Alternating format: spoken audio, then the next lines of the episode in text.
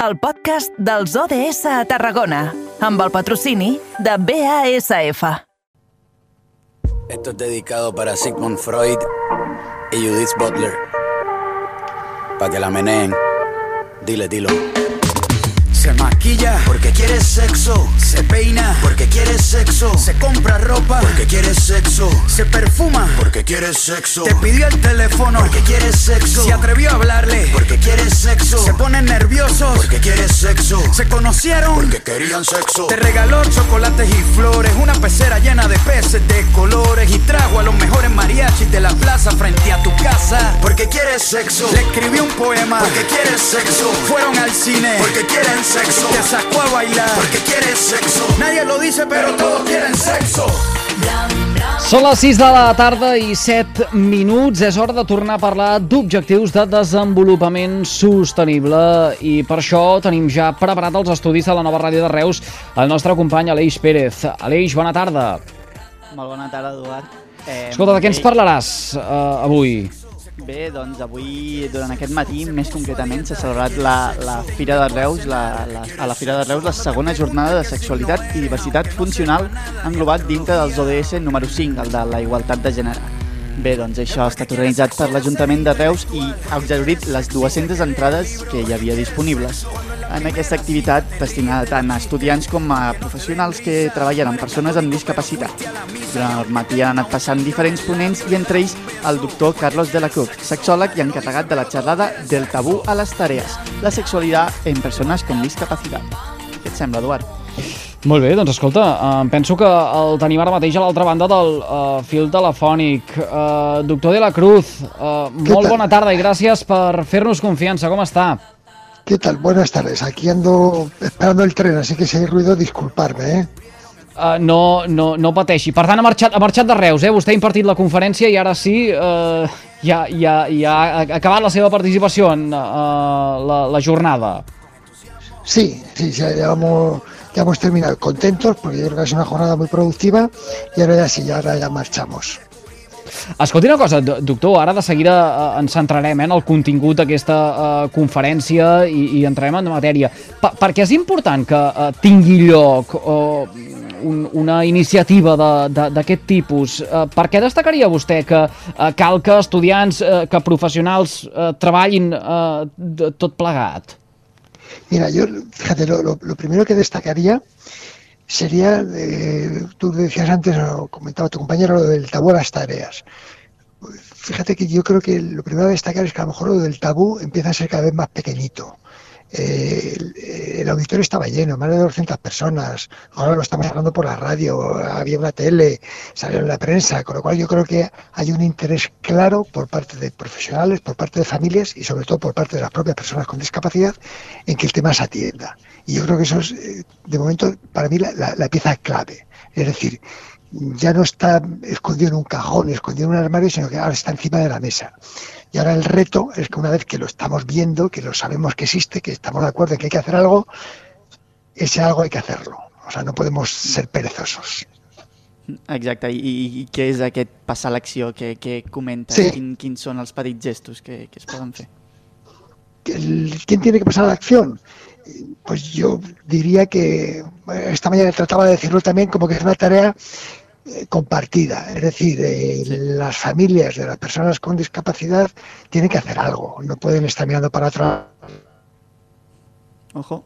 Eh, El personal sanitario, el personal sanitario tiene que hacer algo, el personal de los centros educativos tiene que hacer algo, los medios de comunicación tenéis que hacer algo y sobre todo, sobre todo en ese algo que tenemos que hacer es para que las propias personas con discapacidad sean las protagonistas.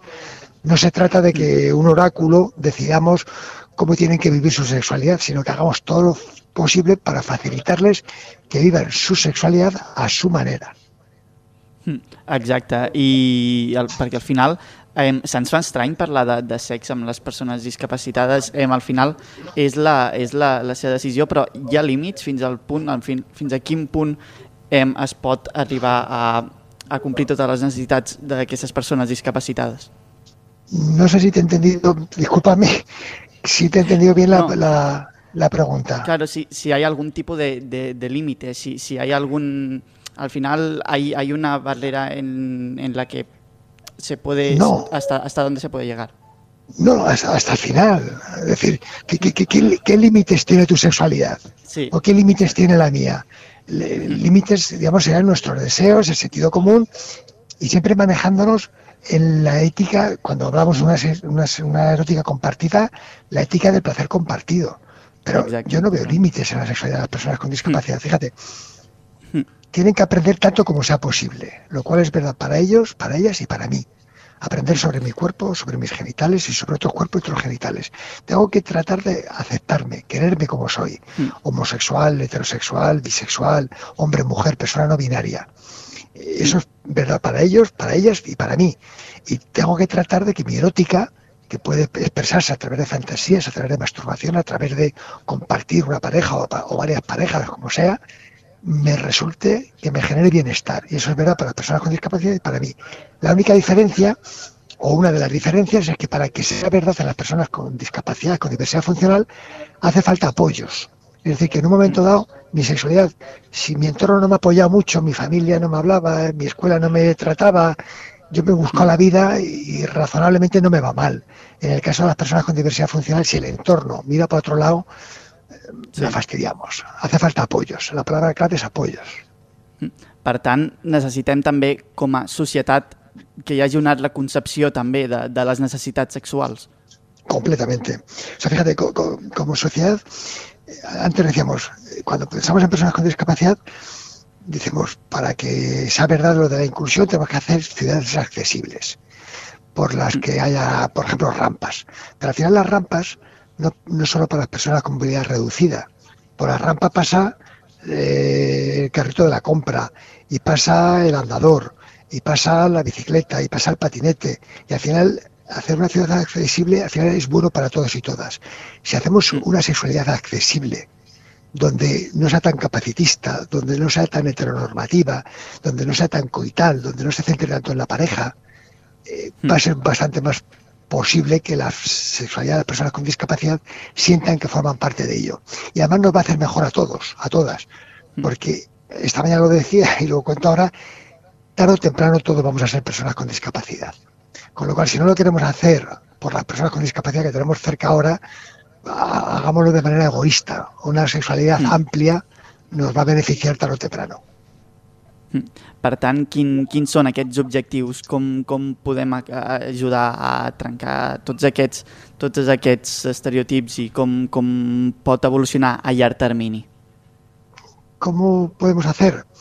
Fíjate, si te he entendido bien, yo creo que hay una clave que es, tenemos que cambiar la mirada. Es decir, tenemos que cambiar la mirada. Y entonces, ser capaces de ver a las personas con discapacidad, con diversidad funcional, como personas deseables y deseantes. Es decir, no con condescendencia, no con una sexualidad que se pueda apañar, sino que es ser capaz de, de entender que su sexualidad puede ser bonita y satisfactoria, aunque no sea como la mía. Es decir, aunque su sexualidad se dirija a decir a- a fetiches, es decir, que a veces ni siquiera la orientación del deseo es hacia personas, pero puede ser bonita, puede ser satisfactoria. Y yo creo que por ahí hay mucho, mucho, mucho que hacer y muchos tenemos que hacer mucho. Uh, doctor, uh, el camí a recórrer uh, és llarg. Uh, encara tenim uh, moltes consecucions per poder assolir. Mm, A mi m'agrada molt de uh, parlar uh, des d'un punt de vista positiu. Uh, es pot ser optimista a l'hora de, precisament, fer-se amb aquestes premisses que ara vostè insinuava? Yo soy optimista. Yo soy muy optimista.